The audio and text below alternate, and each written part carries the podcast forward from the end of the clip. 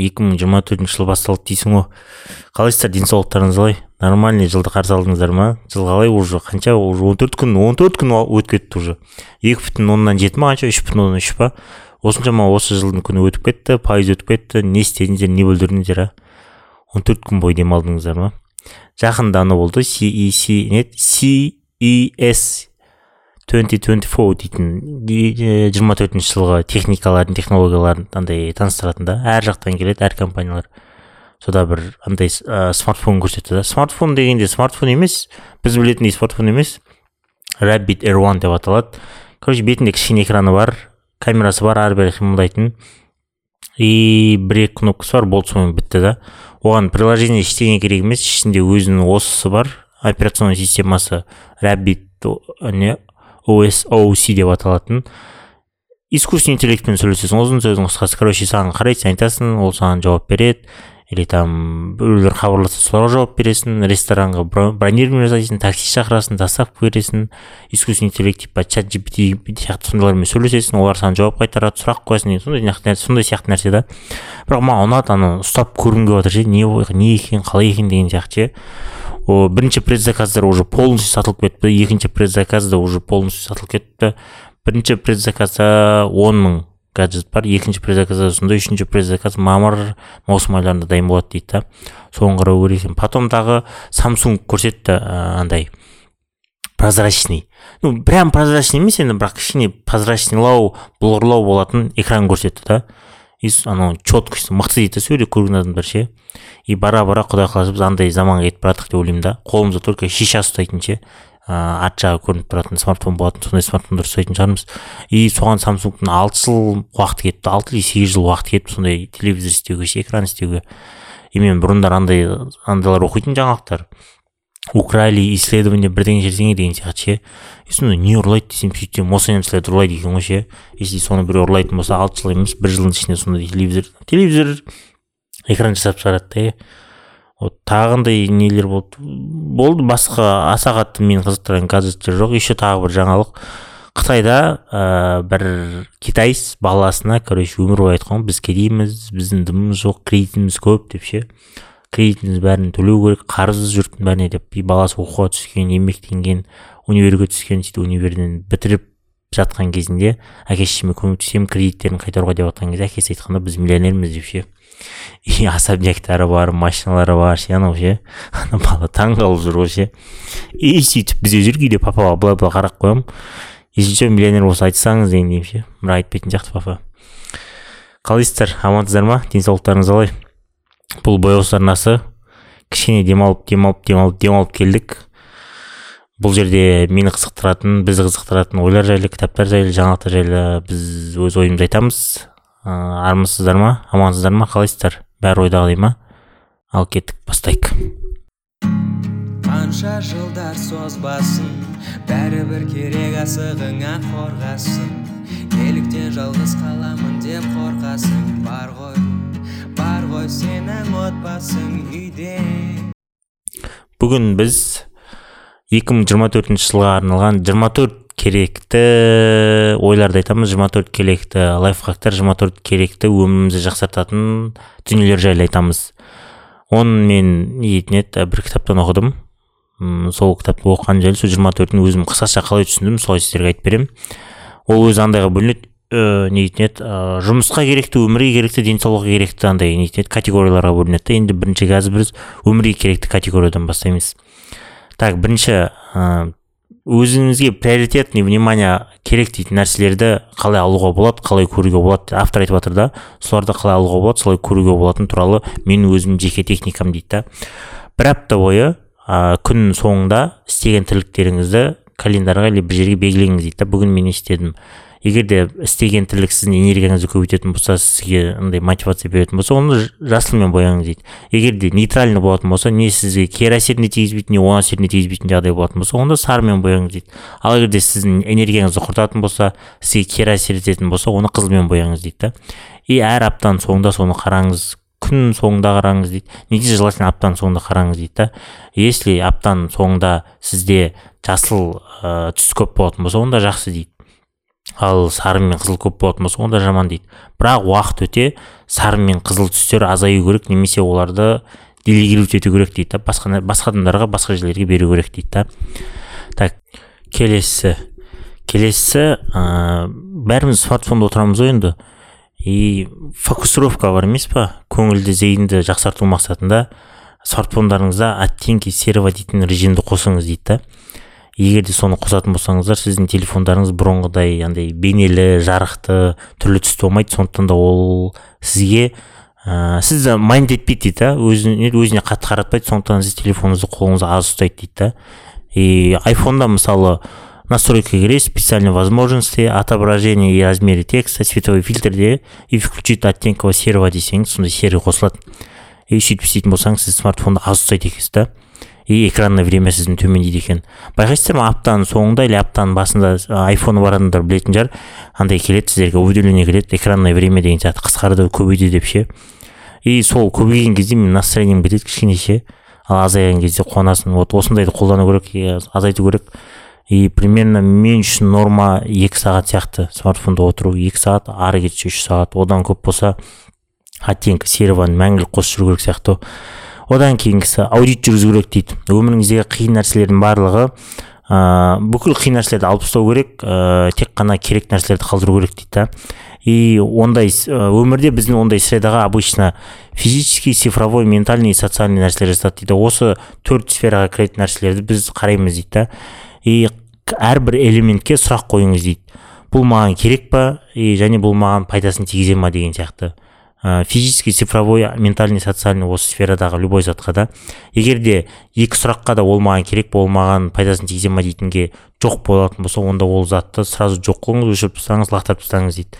Ал егер де екеуіне де иә болатын болса онда ол затты қалдырыңыз ол нәрсені қалдырыңыз ол нәрсеге көңірек көңіл бөліңіз деп жатыр да.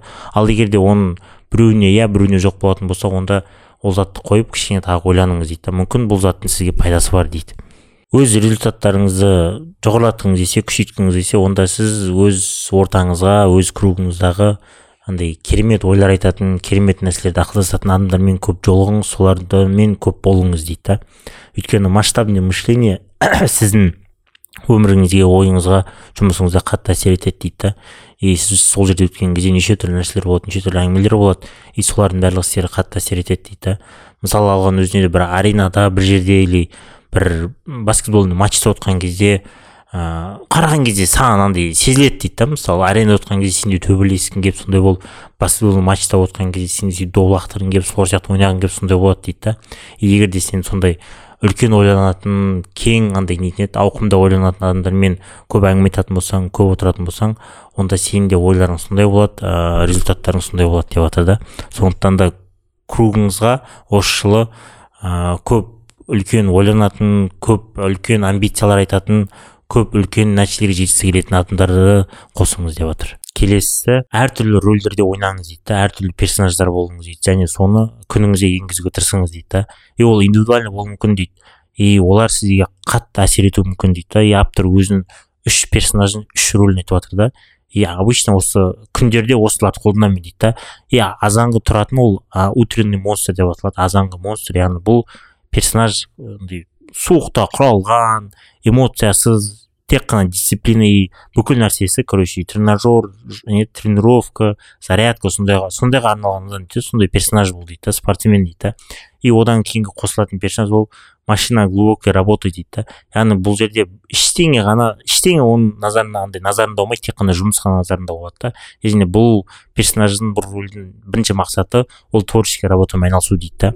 Үшінші папа года дейді да? Яғни бұл эмоциональды да андай нетін еді персонаж болып табылады. Физически эмоциональды да осы жерде болатын осы жерде күлетін және балдарына көп уақыт арнайтын отбасына көп уақыт арнайтын персонаж болады да?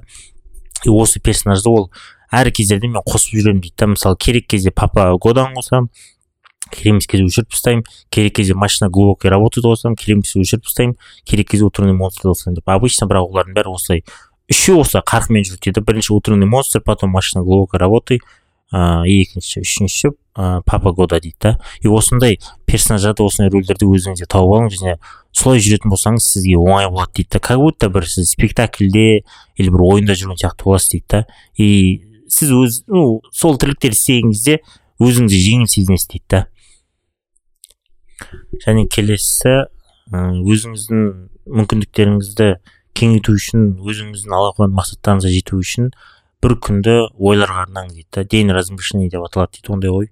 И сол күні ну айдың бір күнін соған арнаңыз дейді. Және бәріне айтыңыз что мен офиста емеспін мен бүгін жұмыс істемеймін мен бүгін қолым тимейді мен бүгін телефон өшіруге болады деп бүкіл телефон барлығын өшіріп қойып короче бүкіл техника технология цивилизациядан алыс кетіп тек қана өзіңізбен өзіңіздің ойларыңызбен болыңыз дейді да.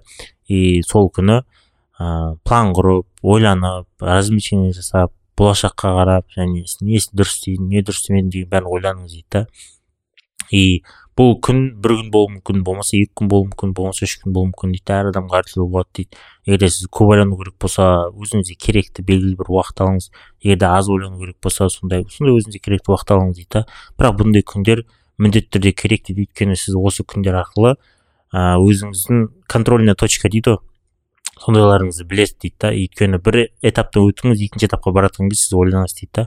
Осыған баруым керек пе бармауым керек пе арттағы нәрсе дұрыс бола ма дұрыс болмады ма деген сияқты. И сондықтан да ыыы айдың бір күнін день размышлениеге арнаңыз дейді осы жылы.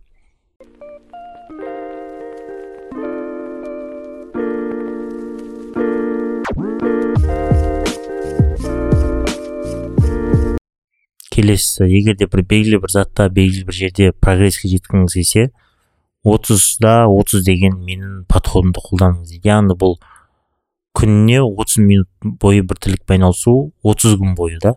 Бір ай бойы ә, күніне 30 минуттан бір белгілі бір нәрсемен белгілі бір затпен айналысу өзіңіз қалаған өзіңіз істей алмай жүрген дейді иә бұл ә, бір күнде 30 минут өте аз болып көрінеді бірақ ол бір айда 900 минут болып табылады дейді. 900 минутта прогресс өте үлкен болады дейді. Егер де бір іс бастай алмай жүрсеңіз немесе тағы бірдеңе істей алмай жүрсеңіз отызда отызды қолданыңыз дейді да. отыз күн бойы әр әр күнде 30 минут сол тірлікке арнау дейді. Сол кезде сіздің прогрессіңіз сол тірлікті бастауыңыз жеңіл болады дейді. Келесісі әр күн сайын әр күн күн сайын любой сферада прогресске жетіңіз дейді. И сіз өзіңізге цель қойыңыз дейді. А а б с дейтін. И осы цельге жетуге тырысыңыз дейді да. Мысалы а ә, ең амбициозный идеальный случай болып табылады. Б золотая середина базовый вариантта с минимальный жизнеспособный уровень болып табылады. Яғни вариант с понижением деп аталады да. И біріншісі мысалы сіз өзіңізді керемет сезініп тұрған кезде өзіңізді күшті сезініп тұрған кезде аға жетуге тырысыңыз дейді да. Яғни яғни самый амбициозный идеальный случай сіз на пике істеу керексіз бір тірлікті бір сферада ше. И өзіңізді бір орташа нормальный қатты көңілді емес қатты андай әсерлі емес сезінген күні яғни ол ну осы үш жүз алпыс бес күнін бір үш жүз күнін алатын шығар сол. Үш жүз күн үш жүз күн бойы жаңағыдай золотая середина базовый вариантқа жетіңіз дейді да. А вот көңіл күй болмаған кезде жұмыс істей алмайтын кездері ә, минимальный жизнеспособный уровеньге яғни вариант с понижением соған соны жасауға тырысыңыз дейді да. Яғни ә, любой күні бір прогресс жасауға тырысыңыз дейді. Хоть бір болсын хоть екі болсын дейді да. Главное нөл болмау керек дейді. Өйткені ә, все что нөлден жоғары болатын нәрсенің барлығы усложняется умножается дейді. Яғни сіз нөлден жоғары бір тірлік істейтін болсаңыз ол уақыт өте по любому көбейеді по любому қосылады және еселене түседі дейді да. Сондықтан да осындай цель қойыңыз дейді да. Бірінші самый амбициозный екінші золотая середина үшінші минимальный жизнеспособный уровень дейді. Обычно бәріміз б ны жасаймыз дейді сол б ға көп көңіл бөлуге тырысыңыз дейді. Енді келесі категория рабочие действия жұмысқа арналған іс әрекеттер ә, жұмыс профессия мен личный жизньді шатастыра алмас үшін екеуін араластыра алмас үшін ә, отключение питания на каждый вечер дейтін зат жасаңыз дейді да? Ол ә, ритуал отключения питания дейтін ол белгілі бір действие белгілі бір іс әрекеттен кейін ыыы андай шекара көрінеді дейді сіздің профессиональный андай тірлігіңіз ісіңіз бітті ә, одан кейін сіздің личный жизніңіз отбасыдан өмір басталды деген сияқты белгілі бір действиялар болады дейді да. И автордың өзінің андай ритуал отключения питания деп аталатын ода былай айтады электронный почтаны қарау запростарды тексеру ертеңгі күнге жоспарлау да и календарын қарап ертеңгі күнді жоспарлау техникаларды тексеру ә, келген сообщениенің бәрін қарап ә, бәрін реттеп қою және 15 минут бойы ыыы еді ертеңгі күн күн пландарын жоспарлауда. И одан кейін барлығын өшіріп техниканың бәрін өшіріп тоқтан суыру дейді да. И осы тоқтардан суырған кезде ода уже андай контрольный точка басталады. Яғни мен профессиональный деятельностьім бітті. Бұдан кейін менің личный жизнь басталады. Яғни менің отбасыма арналған достарыма арналған өмірім басталады дейді а мен ол кезде ол жерде мен жұмысым туралы ойламау керекпін жұмысым туралы әңгіме айтпау керекпін да. Тек қана отбасымен болу керекпін балаларыммен болу керекпін және достарыммен болу керекпін дейді да. И осындай ритуалдар өзіңізге қойыңыздар дейді да. Яғни әр ритуалдан кейін ә, сіздің профессиональный деятельностіңіз бітеді және өзіңіздің жеке өміріңіз басталады дейді да. Мысалы біздің әрқайсымыздың азында жасайтын ритуалдарымыз бар шығар тура сол сияқты ғой. Мысалы мен азан зарядка жасаймын тамақ ішемін бетімді жуамын и солай солай жасағаннан кейін мен азанғы ритуалым бітеді да жұмыстың ритуалы басталады. И бірақ менің кешкі ритуалым жоқ жұмыс бітірді деген сияқты ше. Мынау керек сияқты. Жұмыс біт жұмыс бітті менің жеке өмірім басталды. Деген ритуал табу керексіздер ғой жаңағыдай автор өзі жаңағыдай почтаны қарайды бірдеңелер істейді осылай істейді деген сияқты. Может сіз вай файды суырасыз может телефоныңызды авиарежимге қосасыз деген сияқты сондай бір ритуал табу керек та. И сол кезде сіздің жеке өміріңіз жақсы болады деп жатыр келесісі яғни өзіңіздің зейініңізді сосредоточенностіңізді үлкен қылу үшін фокус дейтін приложениені басыңыз және телефоныңыздағы не беспокоить деген режимді қосыңыз дейді да. И бір сағат бойы или екі сағат бойы тек қана жұмыспен айналысыңыз дейді. Ештеңе сіздің көңіліңізді ауламау керек дейді. Ол екі сағат бір сағаттан кейін отыз минут қырық минут перерыв алыңыз дейді осылай тек қана осылай жұмыс істеңіз дейді. Сонда сіз үлкен жетістіктерге жетесіз дейді да. Не беспокоить дейтін ыыы функцияны қосыңыз деген. Если қалай егер сенің профессиональный деятельностьің смартфонмен интернетпен сообщениелермен әсер еткен байланысты болатын болса. Басқа амалын табу керек бірақ негізі осылай дейді да егер де сіздің жұмысыңыз ондай интернетке сообщениеге байланысқа қатысты болмаса алып не беспокоитты қосып алпыс минут бойы бір сағат бойы жұмыс істеңіз одан кейін қосып отыз минут демалып отыз минуттан кейін қайтадан сөйтіп қойып сөйтіп жұмыс істеңіз сонда сонда прогресске жетесіз обычно иә дұрыс айтады ғой андай көп кітаптарды оқимын біз мысалы жаңағы жұмыс істейміз бір екі минут қараймыз жұмыс істейміз бес минут қараймыз деп сөйтіп жатқан кезде біздің тірлік бір сағатта істей алатын тірлікті біз үш сағатта бітіреді екенбіз да. Ал біз бір сағатта ештеңе қарамай бітіріп тастасақ потом екі сағат уақытымыз бос болады екен да. А біз оны ондайды вообще ойға да алмайды екенбіз да. И одан кейін ыыы кез келген андай бар емес па жиналыс болсын кездесу болсын профессиональный деятельностьта бірдеңелерде ше между встречами между жұмыстарда бес минут перерыв алыңыз дейді да. Майкрософттың исследовательдер тап андай зерттеген екен да. Әр нетеді бір встреча бірдеңелерден кейін бір кішкене бір бес минут уақыт демалатын болса ол адамды демалдырады екен стрессті төмендетеді сонымен қатар производительностьті жоғарылатады екен да. И мысалы сіз қалай айтсам болады ыыы отыз минут встреча болатын болса встречаны жиырма бес минутта өткізіп бес минут сыртқа шығып кетіңіз дейді сыртта бес минут жүріп демалып таза ауамен демалып ыыы ары бері жүріп солай келіңіз дейді обычно ол бес минут встречаның басындағы бес минут жаңағыдай бір бірімен танысу сөйлесу амандасу жағдай сұрасу сондай дейді да а сіз оны өткізіңіз бес минут өзіңіз жаңағы сыртқа шығып кішкене демалып өзіңіз өзіңіз келіп потом келіп бес минуттан кейін келіп жиналысқа қатысыңыз дейді да сонда жиырма бес минут жиналыс өткізесіз бес минут демаласыз ол сізге өте күшті әсер етеді дейді.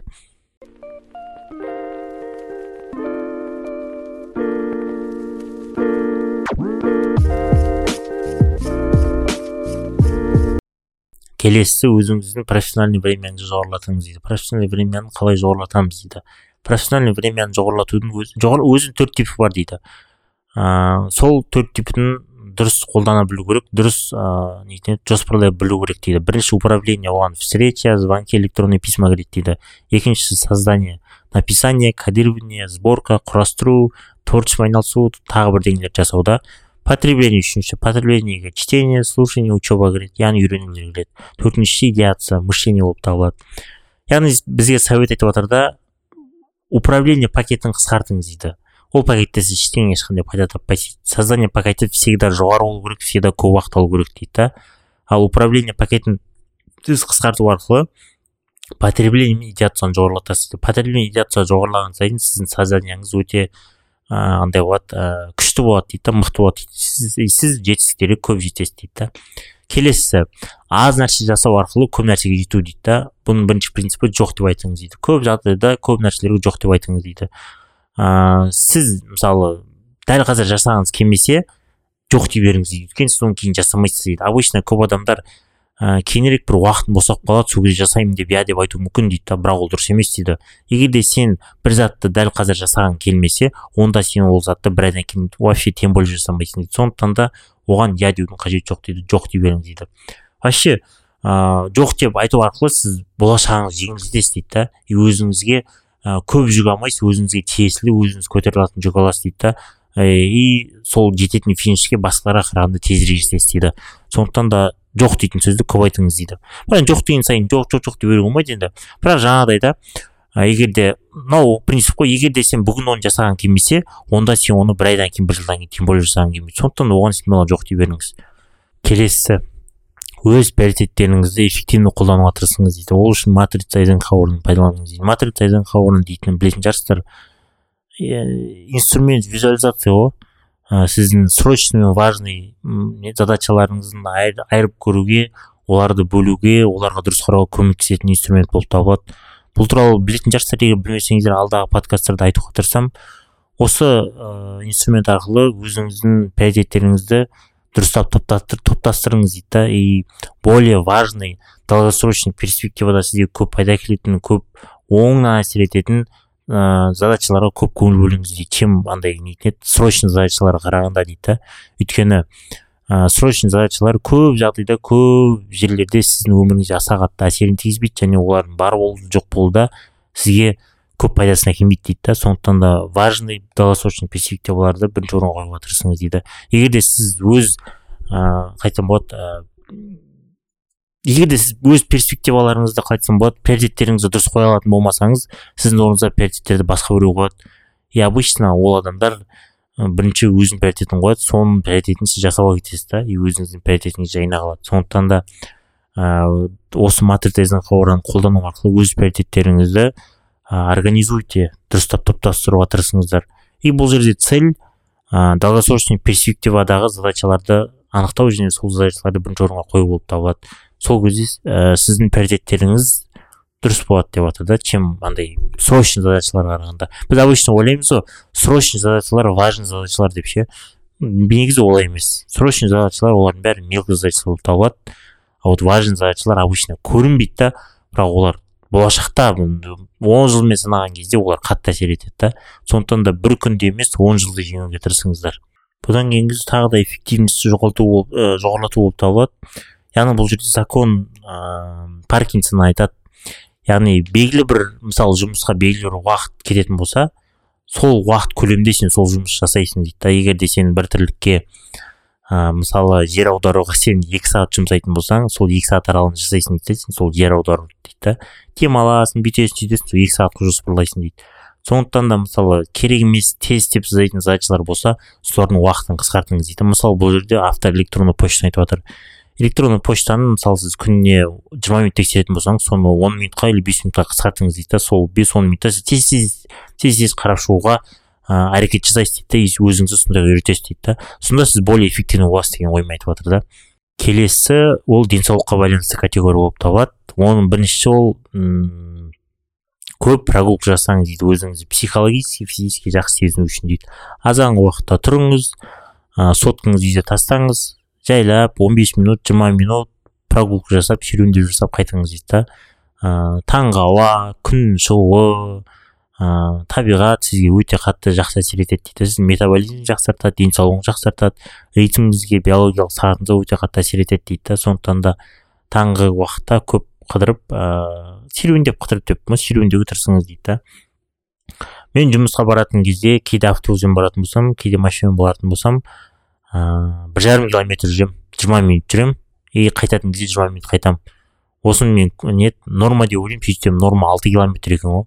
Яғни біз күніне алты километрден кем жүрмеу керекпіз яғни бұны значит мен баратын жерімді тағы бір жарым километр қосу керекпін сонда менде үш километр суда үш километр суда болады да сонда алты километр болады. Жалпы таңертең кешке серуендеуге тырысыңыздар. Егер де үйлеріңіздің қасыңызда бір ботанический сад дейтін сияқты садтар болса тем более жақсы менің үйім қасымда ботанический сад бар просто ана жазғы уақытта күн жылыған кезде серуендеу өте керемет нәрсе вообще бірақ біз телефонды өзімізден алып шығамыз ғой. Телефонды үйде қалдырмаймыз құлағына наушник тығып аласың өлең қосып ше. Діккін діккін діккін деп. А бұл автор типа өлең қоспа ыыы қалай айтсам болады тек қана полетный режимда тыныш қана сөйтіп серуендеп қайт дейді да. Түскі үзілістен кейін затишье болады. Тынышталу уақытынан құтылу үшін ол уақытты болдырмас үшін өзінің правиласы өзінің правиласы бар екен сол правиланы қолданыңыз дейді восемьдесят процентов во время обеда дейтін ше. Японияның окинава дейтін жерінің халқының атақты атақты болуы танылуы олардың долговечный өмір сүруі ну долговечный деп айттым ғой ұзақ өмір сүру болып табылады ұзақ өмір сүрудің негізгі принципі олар ә, тамақты короче қатты тойғанға дейін жемейді ғой. И солай олардың өмір сүру ұзақтығы солай жоғарылаған дейді да. И ә, қалай айтсам болады сіз түскі уақытта көп тамақ ішетін болсаңыз тамақ ішіп болғаннан кейін қарныңыз тойғаннан кейін түскі уақыттан кейін сіздің бүкіл қан айналымыңыз миыңыз барлығы сол тамақты қорытуға уақыт жұмсайды дейді да. И сіз жұмысқа көп көңіл бөлмейсіз дейді. Сондықтан да қатты көп тамақ жеудің қажеті жоқ дейді ол кезде. Кішкене ғана жеп қою керек и прогулкаға шығу керек дейді да. Чтобы миыңыз ясно болу үшін организмнің бәрі тамақты қорытып ұстап жұмысқа ғана көңіл бөлу үшін дейді да. Вот солай жасаған дұрыс дейді. Ал маған келетін болса мен түскі тамақ вообще ішпеймін мен просто бұны бұны білгенмін басында білген. Мен таңғы уақытта тамақ ішемін да и жұмысқа барам дегенше прогулка ары бері бері ары сонымен тамағым қорытылып кетеді. И кешке дейін жұмыс жасаймын. Түскі тамақ ішпеймін ойым бәрі жұмыста болады жұмыста болады жұмыста болады үйге келемін да кешкі тамақты да қатты ішпеймін жеңіл желпі бірдеңелер жеймін да и ұйықтап қаламын. Иә ұйықтаймын ұйықтап қаламын иә ұйықтаймын деп. Ұйықтап қаламын. Өйткені той жасатын болсаң да түнде ұйқың дұрыс болмайды қиналып ұйықтайсың. Менің осындай графигім обычно жұмысқа барасың ыыы тамақ ішпейсің азында тамақ ішіп кетесің кешке келесің жеңілдеп нәрсені жейсің да солай короче ұйықтайсың вот типа осындай сияқты нәрсе деп жатыр бірақ түскі тамақты аз іш деп жатыр да. Ыыы походу бұл жерде таңғы тамақ пен кешкі тамақты көп іш деген ойымды айтып ғой тағы енді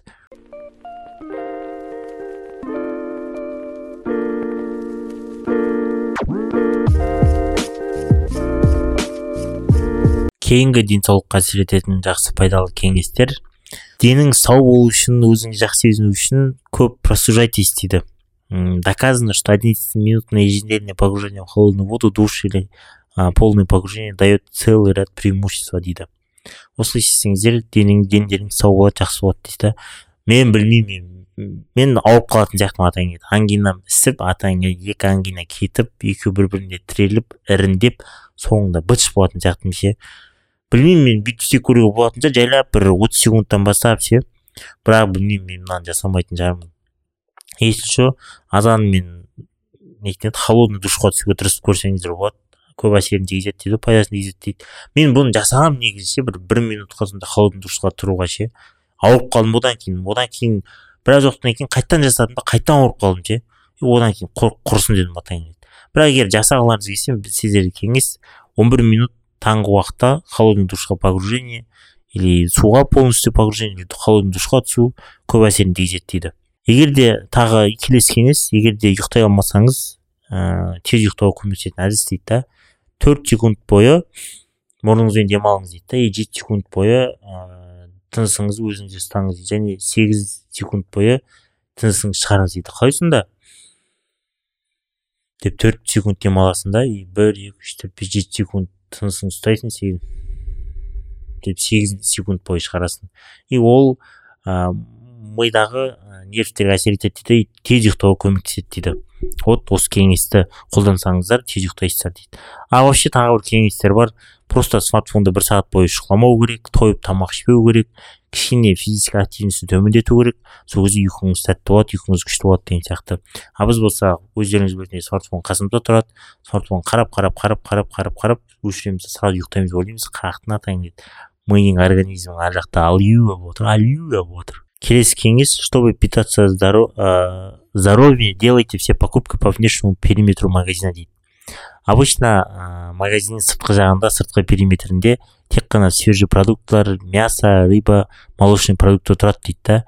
Чем в серединах дейді? Өйткені серединада очень обработанный продуктылар тұрады дейді. Сондықтан да сыртқы жақта көп жүріңіз сыртқы жақта өте пайдалы тамақтар көп дейді да қалай сонда? Бұл не американский стильдегі магазин ба сыртқы жақта бізде өйтіп бөлінбейді ғой обычно сыртқы жақта ішкі жақта дегенше бопты мына супермаркетке кірдім дейді да магнумге магнумге кірген кезде бірінші порошоктар сатады ғой порошок акция скидки шоколады бірдеңе вот. Мен мына жерде смолға кіремін смолға кірген кезде бірінші вот. Не андай гигиенический средство тұрады там. Зубный паста порошок осындай ары кіресің напитки атаң кіреді одан кейін ары жүресің конфети печенье одан кейін ыыы нетін еді консервы потом дені дұрыс тамақтар шыға бастайды соңында. Олар бізде бірінші емес сен дені дұрыс тамаққа бару керексің. Атаң келеді мына сырт жақтан сыртқы жақтан наоборот жаңағыдай не еді ііі тәтті нәрселер ол жаңағыдай кола газированный нәрселер вот солардан басталады да ше. Бізге бұл бұл бізге бұл тәсіл болмайды ұзын сөздің қысқасы дамы господа бұл тәсіл болмайды сізге. Ну вообще айтып отқан енді дені дұрыс тамақтаныңыздар деп отыр ғой. Сыртқы периметрде дей ма келесі. Өзіңізді күні бойы энергичный жақсы сезіну үшін ә, метод бес бес бес отыз дейтін метод қолданыңыз. Яғни бұл бес отжиманий бес приседаний бес выпадов және отыз секундты планканы ұстау дейді. Бұны любой уақытта жасасаңыз болады. Ұйқыдан тұра салып кофе дайындап жатқан кезде или тағы бірдеңелер істеп жатқан кезде дейді. Да е бауырым сен кофе дайындап жатрсың енді кофе зиян ғой шай дайындап жатрсың деп айтсаң болады негізі. Но бірақ осындай ә, не әрекеттер жасасаңыз өзіңізді күні бойы энергичный сезінесіз дейді.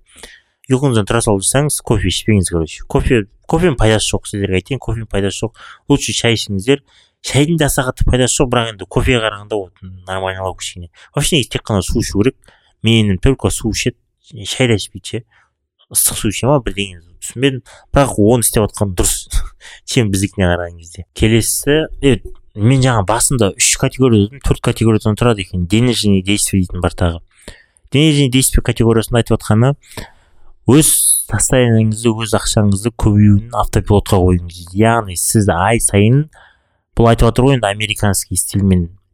Сіздің счетыңыздан ай сайын 100 доллар автоматом акцияға баратындай қойыңыз дейді да. Cnp 500 дейтін бар. Сол соңғы он жылда жиырма мың долларға көтерілді дейді да. Иә он жылда. Егер де сіз жүз доллардан салатын болсаңыз сонда екі есе көбейетін еді деген оймен айтып жатыр да. Яғни бұл жерде айтып жатқан нәрсесі ай сайын автоматом сіздің мысалы елу мың елу мың теңгеңіз автоматом инвестицияға кету керек или бір жерге кету керек. Егер де бізде акцияға салатындай мүмкіндік болмаса депозитке или тағы да бір еселенетін бір жерге салсаңыз болады дейді. Ал бірақ мне кажется қазір бізде ондай нәрселер бар. Автоматтан білмеймін енді оларды жіберуге бола ма бірақ ай сайын салуға болады. Хотя бы құрбым онда елу мың теңге депозитке лақтырып отырыңыз ай сайын деген сияқты оймен айтып жатыр ғой. Келесісі өзіңіздің расходыңызды жақсарту үшін өзіңіздің расходыңызды бағалау үшін дейді да өзіңізге деген инвестиция жайлы екі рет ойланбаңыз дейді. Ал басқа заттар үшін ақша құрту үшін екі рет ойланыңыз дейді.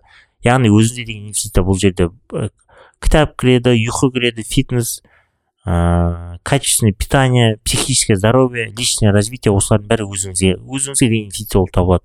Бұлар жайлы вообще екі рет ойланбаңыз маған керек па керек емес па өйткені бұлардың барлығы сізге керек болып табылады. Ал басқа заттарды алатын кезде купить деген кезде астында тұрады в корзину дейтін соны басасыз в корзинуды потом сатып алмаңыз дейді да. Екі күн ойланыңыз дейді қырық сегіз сағат қырық сегіз сағаттан кейін егер де әлі де сатып алғыңыз келсе онда сатып алыңыз дейді. Обычно екі күннен кейін сіз уже более менее нормальный трезвый оймен келесіз дейді да. И ол затты алатыныңыз алмайтыныңызды нақты дәл білесіз дейді. Сол кезде сатып алсаңыз болады дейді. Болмаса сатып алмайсыз дейді да. Ал өзіңізде деген инвестицияға никогда екі рет ойланбаңыз дейді. Сол мезетте сол жағдайда жұмсай беріңіз. Өйткені олар екі еселеніп сізге келеді дейді.